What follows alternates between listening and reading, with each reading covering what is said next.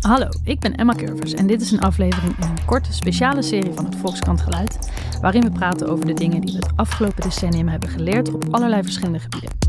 In deze aflevering spreek ik Ellen de Visser en Michiel van der Geest. Zij schrijven allebei over de zorg en we gaan het met ze hebben over wat zij het belangrijkste vonden op dit vlak. Tien jaar samenvatten is natuurlijk niet niks. Wat, wat, Nee. wat kwam er zo al langs? Poeh. Oh jee, je wilt dat ik alle ideeën nu die we hadden. Nee, maar wat was voor jullie de, zeg maar, de algemene ontwikkeling die jullie eh, zagen? Of jullie dachten, oh, daar moeten we echt eh, iets mee Nou ja, doen? in het algemeen, als je tien jaar medische wetenschap samenvat, dan zie je dat er, dat er een enorme vooruitgang is. Mhm. En die vooruitgang moet je proberen te vatten in verhalen.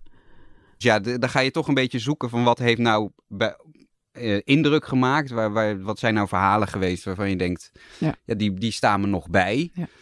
Ehm, nou ja, bij mij was het bijvoorbeeld, ik, ik ben nog nooit eigenlijk in operatiezalen of zo. Daar, kom ik natuurlijk niet dagelijks. Maar Nee. ik, één keer mocht ik in ieder geval op een afstand een, ope- een, een hartoperatie meemaken. En ik had van tevoren kettingzagen en, en, en bloed aan de muren verwacht. Want eh, ja, je wordt aan je hart geopereerd, dus er zit een ribbenkast voor. En zo. Nou ja, de, bleek maar weer dat ik er totaal geen verstand van had. Want die Nee. man die geopereerd werd, was gewoon bij. Dus die sprak gewoon met de eh, interventiecardioloog die de handeling verrichtte. En eh, ondertussen werd zijn aortaklep vervangen. En Oh de- ja, ja. Ja, daar komen we zo op. Ja, daar Ja, we was zo dus op, geen ja. zaag bij betrokken. Er is geen enkele Nee. zaag bij betrokken. Nee. Nou, het is wel interessant wat jij zegt. Weet je, als je tien jaar moet samenvatten, ga je toch nadenken over welke verhalen hebben indruk op mij gemaakt. Waar, Ja. waar denk ik nog wel eens aan terug? En dat wordt natuurlijk toch een beetje bepalend voor zo'n, voor zo'n verhaal van wat hebben we de afgelopen tien jaar geleerd. Ik, ik heb bijvoorbeeld een verhaal geschreven over Dirkje. Dat is een eh, klein meisje, een kleine peuter uit Brabant eh, met de rode krulletjes. Die een dodelijke spierziekte had. En toen kwam er een medicijn voor haar op de markt. Maar dat medicijn was zo duur dat Ja. het niet vergoed dreigde te worden.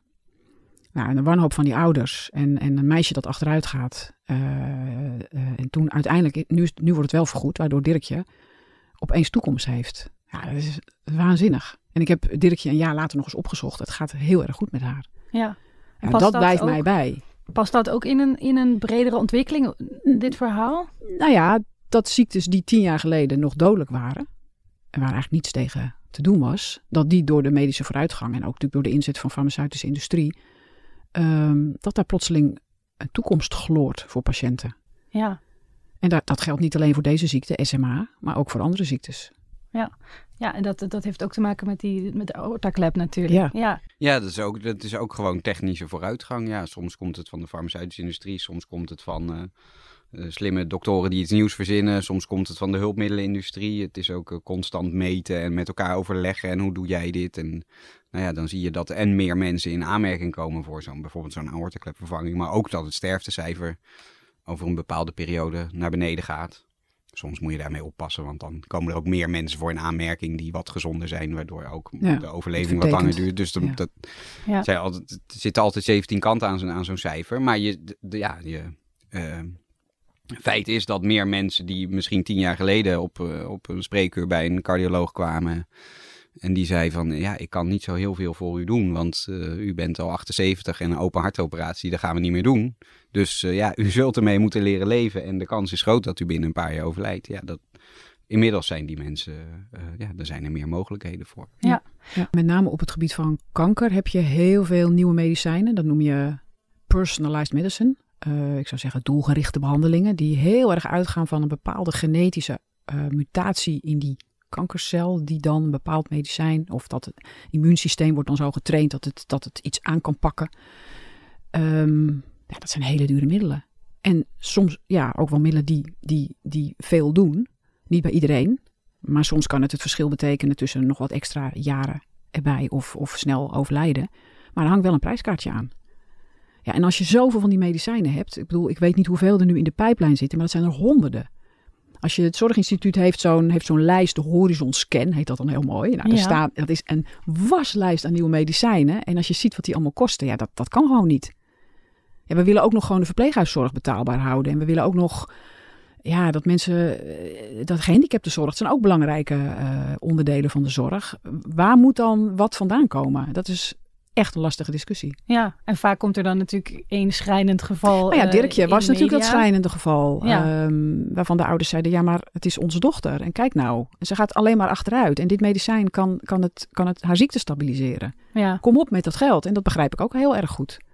ja, Maar ja, na Dirkje komt er weer iemand anders. Die Ja. zegt, ja, maar ik, ik wil dat ook. We hebben ehm, eh, de ziekte van Dirkje. Heeft, Dirkje heeft ook een Belgische, ehm, eh, hoe moet ik dat zeggen, Eh, eh, tegenhanger. eh, Pia, babytje Pia, heeft dezelfde ziekte als Dirkje. ja. En die wilde heel graag eh, het nieuwe medicijn, het allernieuwste, dat Zolgensma, voor 1,9 miljoen dollar. Dit is de moest- gentherapie. ja, die moest daarvoor naar Amerika, want in Europa is het nog niet goedgekeurd. En die had dus 2 miljoen dollar nodig. En die hebben een sms-actie opgezet Ja, in België. En die hebben binnen een paar dagen het geld binnengehaald. En ja, het babytje is behandeld en het gaat nu goed met haar. Ja, dat is geweldig. Maar dat is natuurlijk één babytje. En dan hebben we nog geen structurele oplossing. structurele oplossing. Daar gaan we het Ja. straks nog even over hebben als we het eh, gaan hebben over jouw artikel over eh, Ja. festival, de festivalisering van de ziektewereld, zullen we maar even zeggen. We gaan nog even naar, eerst naar ehm, het stuk over de aortaklep, wat eh, Michiel eh, heeft geschreven.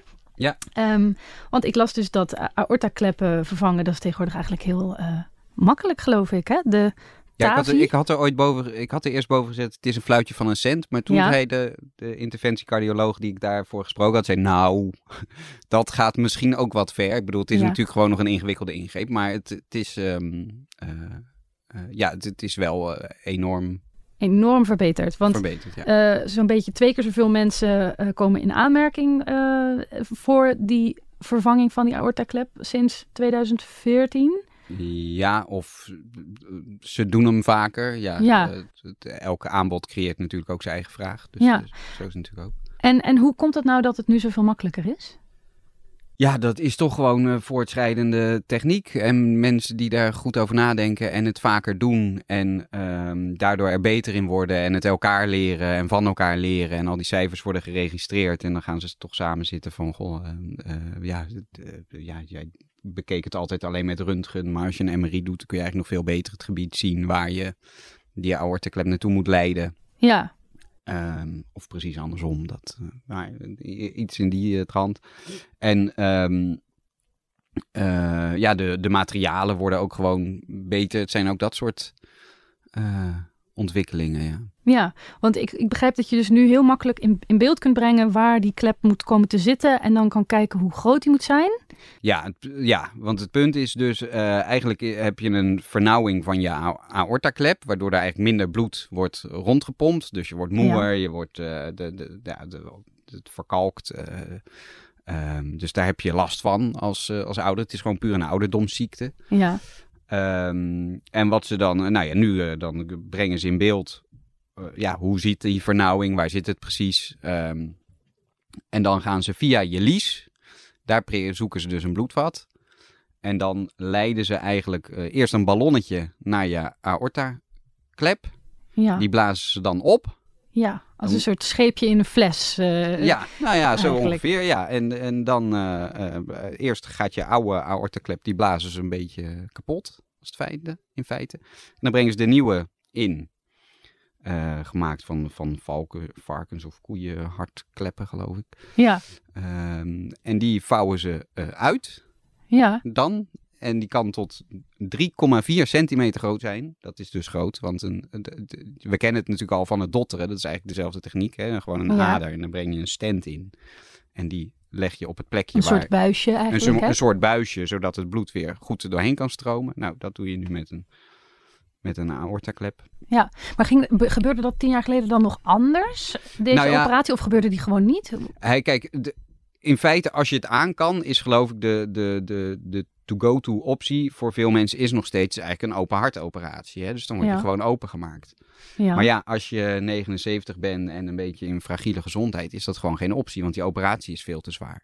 Dus eh, nou, ik denk niet dat die 10 jaar, volgens mij is die al wel 5, 14, 13 jaar ongeveer bestaat die nu echt, zeg maar op deze manier, deze ingreep. Ehm, maar de, de, ja, heel veel mensen gebeurde die inderdaad niet. Eh, dat en was wat gewoon- gebeurt er dan met je? Als je Dan, dan, ga je eh, na een paar jaar dood aan? aan, eh, ja, de- de- Hartfalen. hartfalen, Ja. Dan begeeft je, je hart lichaam is gewoon op. Ja, omdat het te hard moet werken, Ja. die hartkamer? ja en, en het bloed stroomt te weinig door. Dus je krijgt, eh, ja, dan, dan moet je hart inderdaad Zo hard werken. zo hard Ja. pompen om het bloed eh, goed door je lichaam te krijgen. Want als er vernauwingen zitten, ja, dan stroomt het natuurlijk minder. Dus dan word je steeds moer en op een gegeven moment, ja, Dus het gaat het kaarsje uit, denk ik. ja, Ja. En, en, en dit verlengt je, het leven van je hart eigenlijk met... Ja, dan, dan zul je niet meer aan hartfalen eh, overlijden. Nou ja, misschien dat je ergens op een andere plek. Ja, het, het is natuurlijk nooit zo dat je alle problemen dan eh, verhelpt. Maar in ieder geval dat. Ja, de, het zit niet meer bij die aorta-klep in ieder geval. Dus dat. dat ehm, eh, ja, nou ja, je ziet ook de, de vijfjaars overleving. Die, die, eh, die stijgt. Ja, die is enorm omhoog gegaan, hè? Dat, Ja, wat, je hebt de cijfers voor je. Ik geloof in In- 2014 overleed 9,3% van de patiënten binnen. Nee, wat is het? Binnen drie maanden is dat. En Ja. in 2018 is het nog 5%. ja, Ja. Dus ja, dan eh, zie je dat het, eh, dat het enorm toeneemt. ja, En ja, goed, je kwaliteit van leven gaat ook omhoog. Hè. Die, die, de interventiecardioloog die ik sprak, die, die vertelde ook... Die had een vrouwelijke patiënt, die hield heel erg van tuinieren. Had een mooi groot huis in het groen, ergens op de Utrechtse Heuvelrug, geloof ik. En die, ja, die hield erg van tuinieren, maar dat is natuurlijk best wel zwaar werk. En dat ging op een gegeven moment niet meer. Dus ja, toen had ze toch maar de huis verkocht en zo'n zorgappartementje gezocht. Totdat ze een nieuwe eh aortaklep kreeg. Want toen ging ze eigenlijk weer als een trein. ja. Ze heeft ze de huis teruggekocht. Echt waar? ja. Klinkt als een slechte deal. Ja, dat ja, trouwens, ja. maar oké. Nou ja, goed, als je het kan leiden. Dat- Ja. En daar haal je al je levensgeluk uit. Ja. Dus de, die heeft de, de die cardioloog is het enige kaartje van een patiënt wat al, dat al 12, 13 jaar geloof ik op mijn bureau stond. Dus onlangs was die vrouw eh, eh, overleden. Ja. En Ja. hij had onlangs feest gevierd op de operatiekamer, want hij had zijn duizendste aortaklep vervangen. Dat vond ik ook sowieso heel goed dat iemand dat bijhoudt. Ik zou ook altijd willen weten hoeveel Turven. stukken heb Hoeveel stukken heb jij nou getikt? maar- Hoeveel openingen krant? ik Ja. dat soort. Ik Ja. hou dat niet bij. Maar deze meneer eh, hield dat bij. Dus die had eh, Duizend nieuwe aorta-kleppen. ja, duizend prachtig. aortakleppen. En waarom vond jij dit nou zo'n belangrijke ontwikkeling?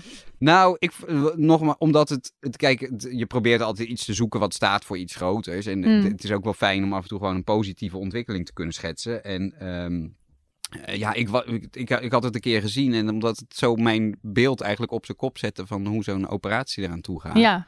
Je bedoelt dat je in die operatiekamer ik- stond en... Ja, of, de- ik kon meekijken op een scherm, maar dat, dat je dat ziet en dat er gewoon zo iemand bij is. En dat je zo'n cardioloog zie je gewoon zo prutsen echt. Want je moet natuurlijk de goede ader en de goede weg zoeken. Het is een soort, weet je, dat spelletje dat je vroeger nooit zo de, de Dr. zijkanten mocht raden. Ja, of bij de staatsloterij mocht je nooit met zo'n ring Willem Ruijs dan was dat, Over... met zo'n ring, toch? Sorry, maar ik vind Dr. Bibber echt een betere vergelijking Dokter in Bibber. deze. Ja, Dr. Bibber. Bibber. Ja. Of, Maar hij moet via de lies moet hij erin. Dat ja, verbaast dus dan mij. ga je, Waarom moet je zo'n, eh, nou ja, dan heb je de grote, eh, Lichaamsslagader te pakken. grote lichaamslag. En die kun je het beste daar bereiken? Of, Ja. of kan ook waarom wel via, dat? soms via... maar- Ja, soms gaat het via de pols, maar dit, ja, ik, dat, ik weet eigenlijk niet. Ik denk dat je de grote ader en daar heb je ruimte om te werken misschien. Ja. En dan moet je dus eh, ja, ongeveer een meter, 1 meter 10 omhoog tegen de stroom in. Eh, moet je vroeten. Dat kan gewoon. Je kan gewoon dingen door het lijf sleuren aan een soort van takeltje. Ja, aan een, aan een soort van eh, draadje. Dat, dat Ja. mag gewoon. nou, En- dat en- jij niet, maar als Nee. je ervoor hebt doorgeleerd, eh, mag dat. Maar je zegt, je zoekt naar dingen die, die staan voor een bredere ontwikkeling. In welke zin zie je dat dan? Nou, waar, waar we het eigenlijk over hadden, hè, de, Ja. de, de, de vooruitgang van de medische wetenschap. Ja, Ja. Dat, Ja. dat, vergeet, ja, dat vergeet je soms eh, hoe, eh, en hoeveel impact dat kan hebben. ja, Nou, over impact gesproken. ja, Een ander voorbeeld is hepatitis C. ja. Dat is een virus dat tot ernstige leverklachten kan leiden. Zo ernstig dat je eraan overlijdt. Er overlijden, overleden toch nog wel in Nederland een paar honderd mensen per jaar aan. En sinds een paar jaar is er een nieuw medicijn waardoor die mensen genezen. helemaal. Helemaal. Vroeger had je een medicijn dat, dat, deed, dat, dat was op zich wel effectief bij ongeveer de helft van de mensen. Maar dat had hele ernstige bijwerkingen, vooral psychische bijwerkingen. Ehm, dus heel veel mensen haakten af. En sinds een paar jaar is er, zijn er me- zijn meerdere medicijnen. ehm, waardoor eh 90% van de mensen met een kuur van zes weken geneest. Dat is een en dat is gigantisch. Ik sprak een mevrouw, de voorzitter van de Leverpatiëntenvereniging, die zei: Ja, vroeger moest ik eigenlijk best wel vaak naar begrafenissen, maar dat komt niet meer voor. en een- ik heb voor dit verhaal een, een, een maagdarm-leverarts in het Radboud UMC gesproken. Die zei: Ja, weet je, vroeger had ik eh, volle wachtkamers met allemaal nieuwe patiënten. maar het wachtkamer wordt steeds leger. Ja, We gaan deze ziekte, althans in Nederland, want daar hebben we het geld. We gaan deze ziekte in Nederland uitroeien. Dus inmiddels zijn al 5000 patiënten met het nieuwe middel behandeld. We gaan deze ziekte uitroeien. Nou, hoe Ja. vaak komt dat nou voor, dat je een ziekte uitroeit? want Ellen, Ja. je hebt eh, een artikel geschreven wat een beetje in diezelfde lijn ligt eigenlijk, als waar we het net over hadden. Over eigenlijk ziektes die Ja, tien jaar geleden misschien nog eh, dodelijk zouden ja. kunnen zijn, die we nu kunnen of vaker kunnen vaker kunnen aanpakken. genezen. Wat zijn daar, wat zijn daar voorbeelden Nou van? ja, dus deze hepatitis eh, Ja. en de, de ziekte van Dirkje, waar we het net al over hadden. Mhm. Maar het grootste vooruitgang zie je denk ik bij kanker. Ja, Eh, daar komen steeds meer nieuwe medicijnen op de markt die mensen in ieder geval een langere levensduur geven. Ik wil nou niet meteen zeggen dat ze mensen allemaal genezen, hoewel dat ook wel voorkomt. Mhm. Maar in ieder geval mensen jarenlanger laten leven. Ehm, en het bijzondere, aparte gevolg daarvan is, ik heb een paar jaar geleden heb ik dat laten uitzoeken door het, eh, door de, door de, het Integraal Kankercentrum Nederland. Dat zijn de mensen die over de cijfertjes gaan. Dan heb ik gevraagd, ga nou zoek, wil je voor me uitzoeken eh, hoeveel kankerpatiënten bij de diagnose al uitzaaiingen hebben. En die na vijf jaar of na tien jaar nog in leven zijn. Kijk, als je uitzaaiingen hebt, zit de ziekte in je hele lichaam. En dat Ja. is niet echt, dan, dan is je levensverwachting beperkt. En zij zagen, weliswaar heel voorzichtig, maar ze zagen wel dat het aantal mensen dat met uitzaaiingen na vijf jaar en na tien jaar nog in leven is, toeneemt. Stijgt heel voorzichtig, echt met een, met een paar procentpunt, om het zo te zeggen. Maar het stijgt wel. En bij, vooral bij borstkanker is die vooruitgang het, het, het, het grootste. ja, Ehm, het, en dat komt simpelweg doordat er heel veel nieuwe medicijnen zijn en heel veel nieuwe technieken zijn om die ziekte aan te pakken. Ja, Het meest revolutionaire vind ik de CAR-T-cellen. ja. Ik heb twee jaar geleden een man gesproken die had eh, een vorm van bloedkanker. Een jonge man nog, een jonge vader. Zijn kindje was net geboren. Ehm, en wat, wat hij ook met crowdfunding trouwens geregeld. Want in, in Nederland kon hij nog niet terecht, in Amerika wel. Dus hij is naar Seattle gegaan. En wat ze daar hebben gedaan is, hebben de T-cellen, dat zijn immuuncellen, uit zijn bloed gehaald. Die hebben ze een soort van afgericht. Die hebben ze, eh, zeg maar, eh, dat de, de immuuncellen zijn kankervorm herkennen. hebben ze vermeerderd en teruggegeven aan hem.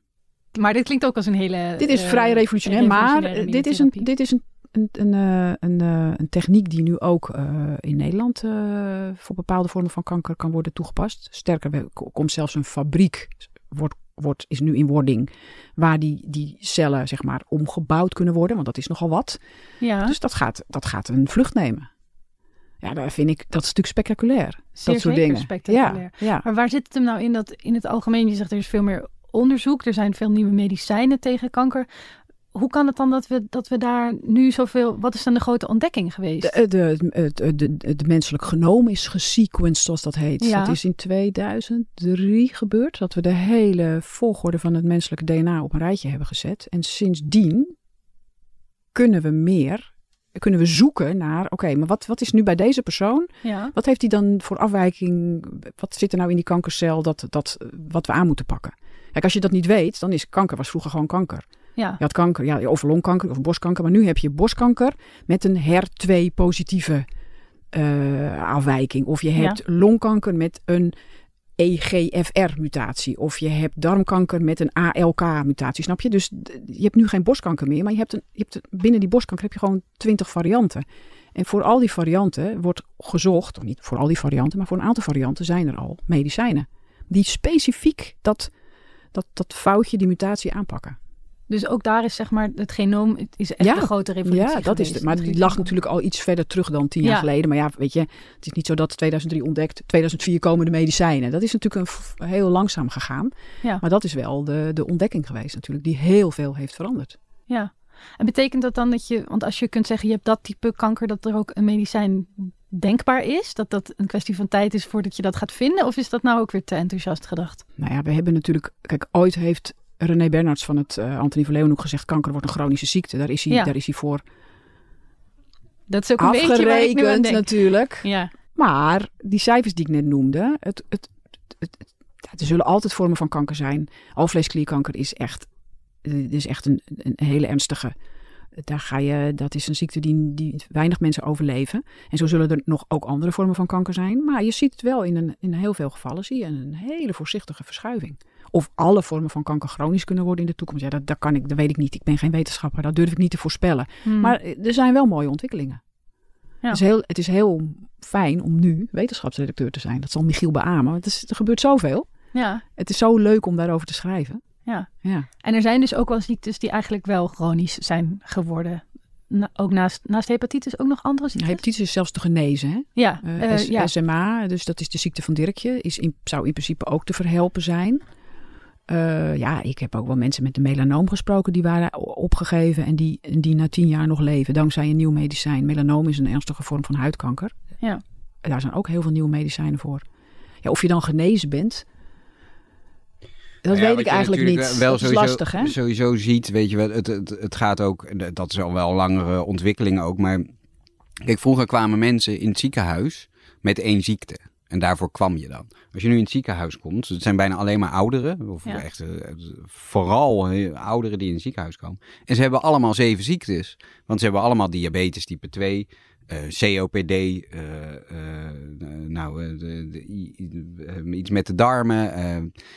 omdat je, en, en ze hebben allemaal wel wat hartproblemen, omdat je er niet meer aan doodgaat. Dus heel veel ziektes waar ze vroeger al aan zouden zijn overleden, mensen, eh, die hebben ze nog steeds. Alleen, En dan krijgen ze er wat bij. maar dan je? krijgen ze er wat bij. Dus dan krijg je twee chronische ziektes of drie chronische ziektes. ja. En dat, dat, maakt het, dat maakt ook het vak van arts veel ingewikkelder. Omdat je dus ook moet gaan nadenken hoe eh, interfereren al die ziektes op elkaar. En, en medicijnen voor het ene middel kunnen soms, of voor de ene ziekte, kunnen soms slecht zijn voor de andere ziekte. Dus Ja. dat zijn ook dan. ehm, maar ja, de, de, je hoort dat de mensen die in ziekenhuizen komen, die worden en steeds ouder en eigenlijk steeds zieker. En hebben allemaal meerdere ziektes tegelijk. ja, is dat dan wel een zegen dat ze steeds ouder worden? Kun je je afvragen. Nou ja, kijk, met veel dingen is natuurlijk wel prima, eh, eh, is prima te leven. Eh, ja, als je gewoon maar op tijd je medicijnen slikt. En je houdt het goed in de gaten. Ja, Het is lastig, lastige vraag om te Ja, beantwoorden. Dan kun je ja. beter door de, aan, ja, iemand die, mensen zelf zelf heel vragen. oud is en heel ziek is Ja. vragen. Ja. ja. Maar goed, de, ja, wo- soms wordt er ook wel, dat hoor je dan ook wel, wordt er te lang eh, behandeld. Terwijl mensen zelf eigenlijk, als je echt de tijd neemt om met ze te praten, zegt van nou, weet je, laten we nu eh, eh, daar maar mee stoppen. Of eh, ik hoef niet nu nog, nog een zware ingreep. ja, ja. Een andere ontwikkeling waar jij over geschreven hebt, Ellen, is, ehm, ja, hoe zullen we dit noemen? De verfestivalisering van de wereld van ziekte in de afgelopen tien jaar. Dat Die- is een term van eh, onze columnist Jean-Pierre Gele, maar die, Ah. die dekt wel de lading. De Ja. festivalisering van de ziekte. Ja, Ja. ja. want eh, ik weet niet of het daar helemaal begonnen is, maar de Ice Bucket Challenge eh, voor ALS staat iedereen natuurlijk wel bij. Maar er zijn veel meer van dat soort ja, evenementen en Ja. social media acties en gala's ehm, om geld op te halen eh, voor ziektes. Ehm, zie jij daar eigenlijk ook iets, iets het nadeel, een nadeel van? Of is dit, is dit alleen maar goed? Nou, je moet het met respect doen, denk ik. Dat is het. Maar volgens mij gebeurt dat meestal wel. Ik bedoel, als ALS is een heel mooi voorbeeld. Eh, mijn voorganger op de wetenschapsredactie, Gerbrand Veenstra, overleed in 2001 aan ALS. En ik weet nog dat hij mij aansprak, een half jaar of een jaar voor zijn dood. En, en daarover vertelde dat ik dacht, ALS, ALS. Ja, hebben we wel eens van gehoord. Het is wel heel ernstig, maar ik wist het niet precies. Nou, als je nu aan iemand vraagt ALS, dan weet iedereen, ja, die weten hoe ernstig die ziekte is. En dat komt natuurlijk door die reclame, of ja, die, die, Die campagne, campagne. van eh, eh, ik ben dood, maar eh, hè, dat, die mensen die inmiddels overleden zijn, ik ben inmiddels overleden, maar wilt u alsjeblieft geld geven? Ja, de Het komt door de. Ice, de posters komt door de Ice Bucket Challenge. Eh, het komt door de eh, City Swim. Hè. Maxima heeft daar zelfs aan mee ge- gedaan. Dus die ziekte staat op de kaart. En Ja. dat is alleen maar goed, omdat ze daardoor heel veel geld ophalen voor Ja. onderzoek. Ehm, dus het, het verhaal dat ik eh, heb gemaakt is, weet je, vroeger ging je langs de deur met je collectebusje. Ja, Of je stuurde een accept Giro, maar daar kom je er natuurlijk nu niet meer mee. nee. Je moet op zijn minst een festival organiseren of een gala. Of je moet iets ludieks doen met een reclamecampagne. Ja, of je moet een fietstocht voor, voor nou ja, ik, ik weet niet wat voor voorbeeld ik allemaal noem in het stuk. Maar je kunt fietsen Nou ja, tegen je moet- Alzheimer. Je moet, hè, Fietsen voor hersentumoren kun je. ja, je kunt lopen eh, voor je lever. Je kunt wandelen tegen diabetes. En, el, en elf stranden voor de Hartstichting. Nou ja, Ja. eh, de, de Mont Ventoux is eh, populair. Hè, eh, om op, eh, we hebben de, de, de, de, de, de- we hebben de Mont Ventoux. We hebben de Alpe de Alpe d'Huez natuurlijk. Om geld op te halen voor, eh, voor kankeronderzoek. Ja, Ja, ehm, er is bijna geen, geen er is berg geen meer berg vrij. meer die niet. Er is geen een berg meer, meer vrij De voor de ziekte. Ja, Ja, ja. Maar, maar goed. hoe komt het nou dat, dat, dat al die organisaties dat massaal zijn gaan doen? Is het gewoon de een Ja, doet de het? een doet het en de ander ziet dat het succesvol is, denk ik. Ik heb wel eens eh, uitgezocht de, de, de marathon van, van, van Londen. Eh, een paar jaar geleden. Daar liep 80% van de mensen liep voor een goed doel.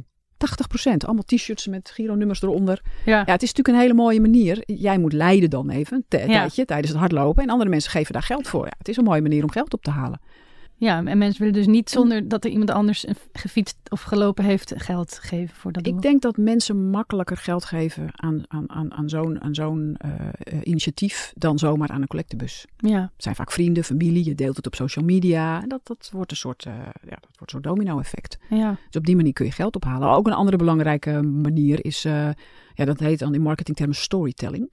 ja, Neem één mooi, schrijnend liefst voorbeeld van Ja. iemand met een ziekte en vraag daar geld voor. Ik Ja. heb een paar jaar, eh, voor, twee weken geleden een verhaal gemaakt over Sarah. Dat is een heel klein meisje met een ernstige spierziekte. En die heeft Rico Verhoeven als ambassadeur gevonden. ja. Dus Rico Verhoeven heeft een hele mooie poster gemaakt. Samen met Sarah tegenover elkaar. De wedstrijd van je leven. Nou, dat, die ouders van Sarah hebben geweldig werk gedaan. Die hebben binnen, binnen no time een half miljoen euro voor onderzoek opgehaald. En er wordt nu onderzoek naar die ziekte gedaan. Hadden Ja. ze dat niet... Ja, ik weet niet of Rico dan het verschil maakt. Maar, maar, maar zo'n klein meisje, een heel mooi lief meisje van een paar jaar oud... die achteruit gaat en dan dat verhaal neerzetten. Ja, dat spreekt mensen aan. ja, Terecht. ja, Ja, ja, dat werkt gewoon. dat werkt. En, ja. en, en, en, maar je moet dus eigenlijk, als je een organisatie of stichting hebt, moet je eigenlijk wel bijna denken van wat wordt onze, ons grote social media ding Ja, of onze hashtag. Het kan niet anders meer nu. Dat Nee. kan niet anders meer, denk Je ik. moet daar heel Je goed in moet zijn. daar goed in zijn, ja. En dat is wel lullig natuurlijk. De mensen met de meeste, ja, Ja. de mensen die daar goed in slagen. Eh, kijk, medische crowdfundingsacties bijvoorbeeld neemt ook enorm toe. Ja, als jij een Ja. goede, als jij een goede, goed team om je heen hebt. En eh, bijvoorbeeld die jongen over wie ik het net had, eh, Ivo uit Den Haag, die naar Amerika wilde voor zijn behandeling. Nou, die had gewoon een heel mooi team van mensen om zich heen. Die, die, die, die, die, dat, ja, die, die wisten gewoon van, van de website van Linda tot, tot, aan het, tot, tot aan de Volkskrant, maar tot ook aan andere kranten. Er komt een verhaal en, en de teller. Ze, ze, ze, za- ze zaten te kijken gewoon op hun site hoe snel de donaties binnenkwamen. Dat ging achter elkaar door. Ja. Vind je dat niet soms ook wrang? Dat dan Ja. een eenling met zijn Ja. crowdfundingsactie... Nou, neem babytje Pia Het in. België. ja. Die heeft, die, die heeft het, daar is het gelukt. Maar er zijn natuurlijk heel veel Pia's. Ook in, in landen waar het niet zo goed gaat en waar mensen minder, minder, eh, minder geld hebben. Die willen ook wel heel graag geholpen worden. Die lukt het niet. Ja, dus er zit ook, die kant zit er inderdaad wel aan. Ja. Je moet het wel eh, voor elkaar weten Ja, we te krijgen en er in, toe in staat zijn om dat allemaal te regelen. Dat is Ja, dus ook je moet mensen, want jij bent zelf ziek, dus je moet mensen om je heen hebben die dat voor je willen oppakken. ja. En Het is mooi om te zien dat het lukt. En je vaak. moet het schrijnende verhaal hebben. Ja. En, en misschien Ja. ook zelfs wel een klein beetje fotogeniek eh, nog zijn. Dat je een, Ja. een sprekend verhaal hebt. Ja. Ja, maar Dat- toch, hè, die medische crowdfunding. We hebben begin dit jaar we, hebben we daar eh, zeg maar onderzoek naar gedaan. Ja, dat, dat gaat wel goed hoor. Dat, dat, daar zijn echt wel, eh, er zijn tientallen eh, mensen die op die manier geld vragen. Er zijn speciale platforms voor. Ja. Mensen zijn wel geneigd geld te geven als er een gezicht bij een verhaal is. Dus dat werkt eigenlijk heel ja, goed. dus die geeft dan niet aan de kankerbestrijding of aan de Ja. hartstichting. Maar je Ja. geeft aan die ene specifieke patiënt die heel graag een behandeling in het buitenland wil ondergaan. Omdat hij anders volgend jaar niet meer leeft. Ja. Dat laatste spreekt meer aan dan die euro, dan In die mevrouw die met de collectebus komt. Ja. ja, want jij schrijft ook in het verhaal... eh, mensen geven over het algemeen nu minder. Ja, dat zag ik op... eh, ehm, op- maar wel in specifieke Ja. gevallen dan ineens willen ze het wel weer. Ja, eh, ja. wel kijk, en jij geeft natuurlijk misschien 2 euro aan eh, de kankerbestrijding. Ja. Ook omdat je vaak niet meer geld in huis hebt. Hè? maar je geeft voor, een, voor iemand die naar Amerika wil om, om een behandeling te krijgen, geef je misschien wel tientje, ja. 20, 25. Dan denk je 2 euro is niks. Ik geef 10. Ja. Dus dan geef je meer. Ja. Dat is heel gek, maar zo werkt het wel. ja, maar wat betekent dat dan voor het grote geheel? Dat mensen zo eh, reageren op die specifieke verhalen. Wat betekent het voor het grote geheel? Nou ja, het Ja. gevaar is natuurlijk dat eh, ja, als je dat Ja, niet voor elkaar klopt. krijgt, of je je hebt niet de Ja. mensen om je heen die zoiets, in, ja, gewoon de kunde en de kennis hebben om zoiets op te zetten, dat je dan. Dan vis je achter het net. Ja. Ja. Dat het is, is, wel natuurlijk voor de zwak, voor de zwak, ja, de, de, Ja. de, de kwetsbaarste mensen, die, Ja. die gewoon niet zo'n netwerk hebben, en die zijn Ja. er natuurlijk ook. Ja. ja, dat is wel, ehm, Dat is hard. dat is wel hard. Ja, en als je teruggaat naar, naar de organisatie zelf. ehm, het moet zo'n organisatie ook maar lukken om eh, handig iets te verzinnen Ja. eh, wat aanslaat. Ja.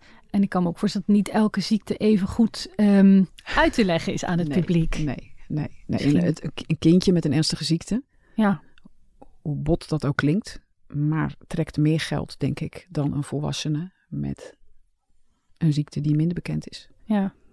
Zijn er dan ook mislukte ice bucket challenges geweest waar wij gewoon nooit van hebben gehoord? Omdat het gewoon... Vast wel, maar ja, dat weten we Ja, dan. ze hebben het wel geprobeerd te kopiëren, hè, daarna, Ja. maar het is nooit meer zo succesvol geworden. Nee. Ja, dat is een beetje lastig om uit te zoeken hoe, hoe Ja. dat kan. Ja. Ja. Ik wil nog wel één ding over.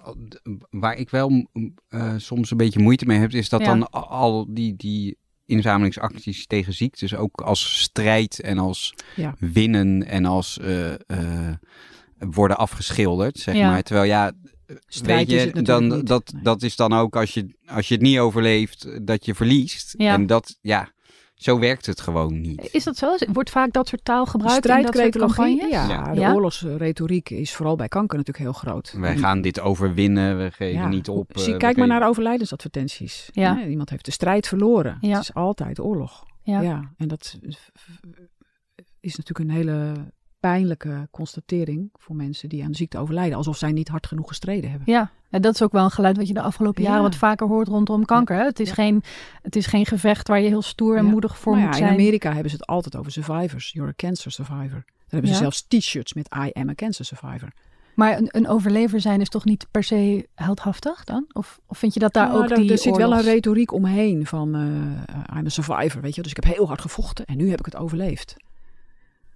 Ja, Ehm, ik geloof dat daar wel steeds meer kritiek op komt. ja, Op die, op die oorlogsretoriek. Ja, nou ja, ook zo'n Maarten van der Weijden die Ja. natuurlijk wel eh, ook enorme, eh, eh, nou ja, elfstedentochten organiseert om geld op te halen. Maar die zegt Ja. ook altijd, ja, ik, ik, heb, ik ben gewoon in het ziekenhuisbed gaan liggen en heb de artsen hun werk laten doen. Sterker nog, hij lag op de kamer met iemand anders ja. met precies dezelfde ziekte die het niet heeft overleefd. ja.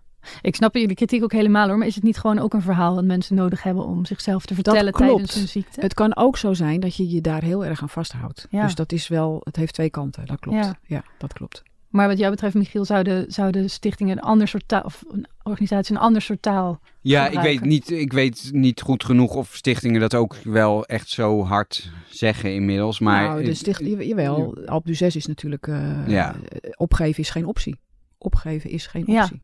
Ja, nou ja, goed, dat kan natuurlijk ook gaan over het geld inzamelen. En dat, Ja. Dus ik, ik denk wel dat er bewustzijn over is, maar ik, de, ehm, je, je ziet het toch nog wel vaak van, ik, ik, het is een strijd en we, we gaan, of ja, soms mensen die dit krijgen en ik ga deze strijd winnen. En Ja. ik, ik snap het helemaal, tuurlijk. Het is een, die emotie begrijp ik heel goed en dat, misschien heb je het ook wel nodig om, om het hele proces aan te kunnen. Ja.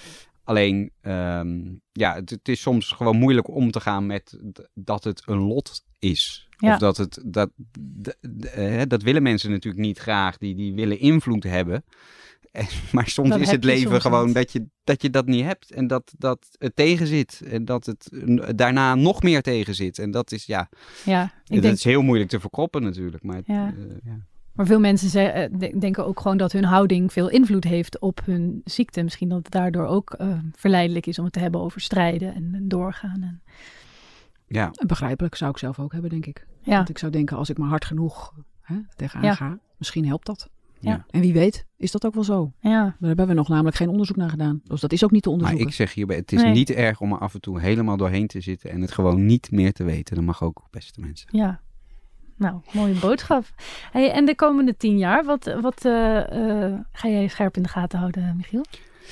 Ehm, poeh, eh, nou, wat ik. je- wat je ziet is dat, het, dat er de, de grote beweging, zoals het nu in de gezondheidszorg in Nederland wordt genoemd, is de juiste zorg op de juiste plek. En dan moet er ook veel zorg uit het ziekenhuis. En ehm, bijvoorbeeld, eh, ik schrijf nu een verhaal over, en dat is maar een klein voorbeeld, maar over een pleister die je opplakt en die houdt al jouw vitale waarden in de gaten. Dus je hartslag en je ademhaling en dat soort dingen. En dat, zijn ze nu aan het testen. En dan kun je bijvoorbeeld na een operatie veel sneller naar huis. Want dan heb je die pleister op en al die gegevens stromen gewoon in het ziekenhuis binnen. En zolang het goed gaat, is er niks aan de hand. Kan je prima thuis blijven. En pas als ze zien van er is een calamiteit. Of, en dan zeggen ze, we kunnen al van tevoren zien aankomen dat het slechter gaat. Want dan gaat je hartslag al omhoog. En dan kom je snel naar het ziekenhuis of iemand komt naar jou toe. Wacht even, ik lig thuis met een pleister en, en iemand kijkt op afstand of alles goed gaat met mij. Ja. Moet ik wel de pleister eh, aan hebben staan? Ja. Oh ja. En je moet ook wifi hebben. Klinkt als iets wat bij oudere mensen ook nog wel eens uh, nou ja, maar mis zou kunnen gaan. Het kan ook juist heel fijn zijn dat je... Want kijk, eh, een ziekenhuis, je wordt nergens zo snel ziek als in een ziekenhuis. Dat, dat, dat is helemaal geen goede omgeving. Vaak ja. komen ouderen, vooral ouderen, die komen er alleen maar slechter uit dan dat ze erin zijn gegaan. Want hm. de, de, en er waren virussen rond en je ligt op je bed en je krijgt... Uh, uh, doorligwonden en, en, en je spierkracht neemt heel snel af, zeker als je ouder bent. Dus het is eigenlijk beter ja idealiter gezien om uh, zo kort mogelijk in een ziekenhuis te zijn. Als je het aan kan, natuurlijk. Ja. Um, en hetzelfde geldt voor. Uh, dus, dus, dat is een beweging. Je kan ook als je hartfalen hebt, als je een kastje hebt, die, of je doet af en toe een meting thuis. En dat voer je gewoon in. En pas als je ziet van hé, hey, het gaat de verkeerde kant op, dan ga je naar het ziekenhuis of naar de cardioloog. Ehm, en niet dat je gewoon standaard twee keer per jaar naar de cardioloog gaat. En dan een check doet. Nou, dus zorg op afstand. Zorg op afstand, ja. en er zijn heel veel pilots en iedereen is daar enorm voor. En iedereen zegt altijd, dit gaat alles oplossen. Ja. Nou, niet iedereen zegt altijd, maar dat, dat hoor je. Dat, is beter voor het personeelstekort. Uh, je hoeft minder vaak in het ziekenhuis te zijn. Uh, het gaat de kosten enorm reduceren. Ja ja, dat moet allemaal nog wel blijken. Voorlopig wordt het, komt het er alleen maar bij en wordt het alleen maar duurder. Ehm, en de, ik sprak ook een, een, een, ziekenhuisdirecteur van een ziekenhuis in Arnhem. Die zei: Iedereen die tegen jou zegt van ik weet hoe dit zich gaat ontwikkelen de komende tien jaar, die moet je wantrouwen. Want dit zijn we echt nu aan het uitvinden. En ik vind het heel lastig om hier beslissingen over te nemen. Hoe een operatiekamer ik moet gaan inrichten over tien jaar, dat, dat zie ik nog wel voor me. Maar dit soort processen, dat is voor een ziekenhuis echt enorm ingewikkeld om in te regelen. En om, want hoe zet je het personeel in? Laat je ze rondrijden met autootjes? Uh, nou, al dat soort dingen moet allemaal. Wie controleert dit allemaal? Ja, ja. dat ook. Ja. En jij, Ellen? Wat nou, ik haak aan bij Michiel. Ja. Ja, zorg op maat. Ik denk dat ik, als ik naar de geneesmiddelen kijk die er nu aankomen, ja. ik ben wel heel benieuwd hoe, uh, hoe dat de komende jaren zich gaat ontwikkelen. Er zitten er zoveel in de pijplijn. Ik geloof dat 50 of 60 procent van alle geneesmiddelen die er nu aankomen, althans bij kanker, allemaal die, van die precisiemedicijnen zijn. Dus heel specifiek kijken naar deze patiënt. Wat heeft die voor mutatie? Ja. Kunnen we daar wat mee? Ja. Ik uh, ben benieuwd hoe dat zich gaat, gaat ontwikkelen.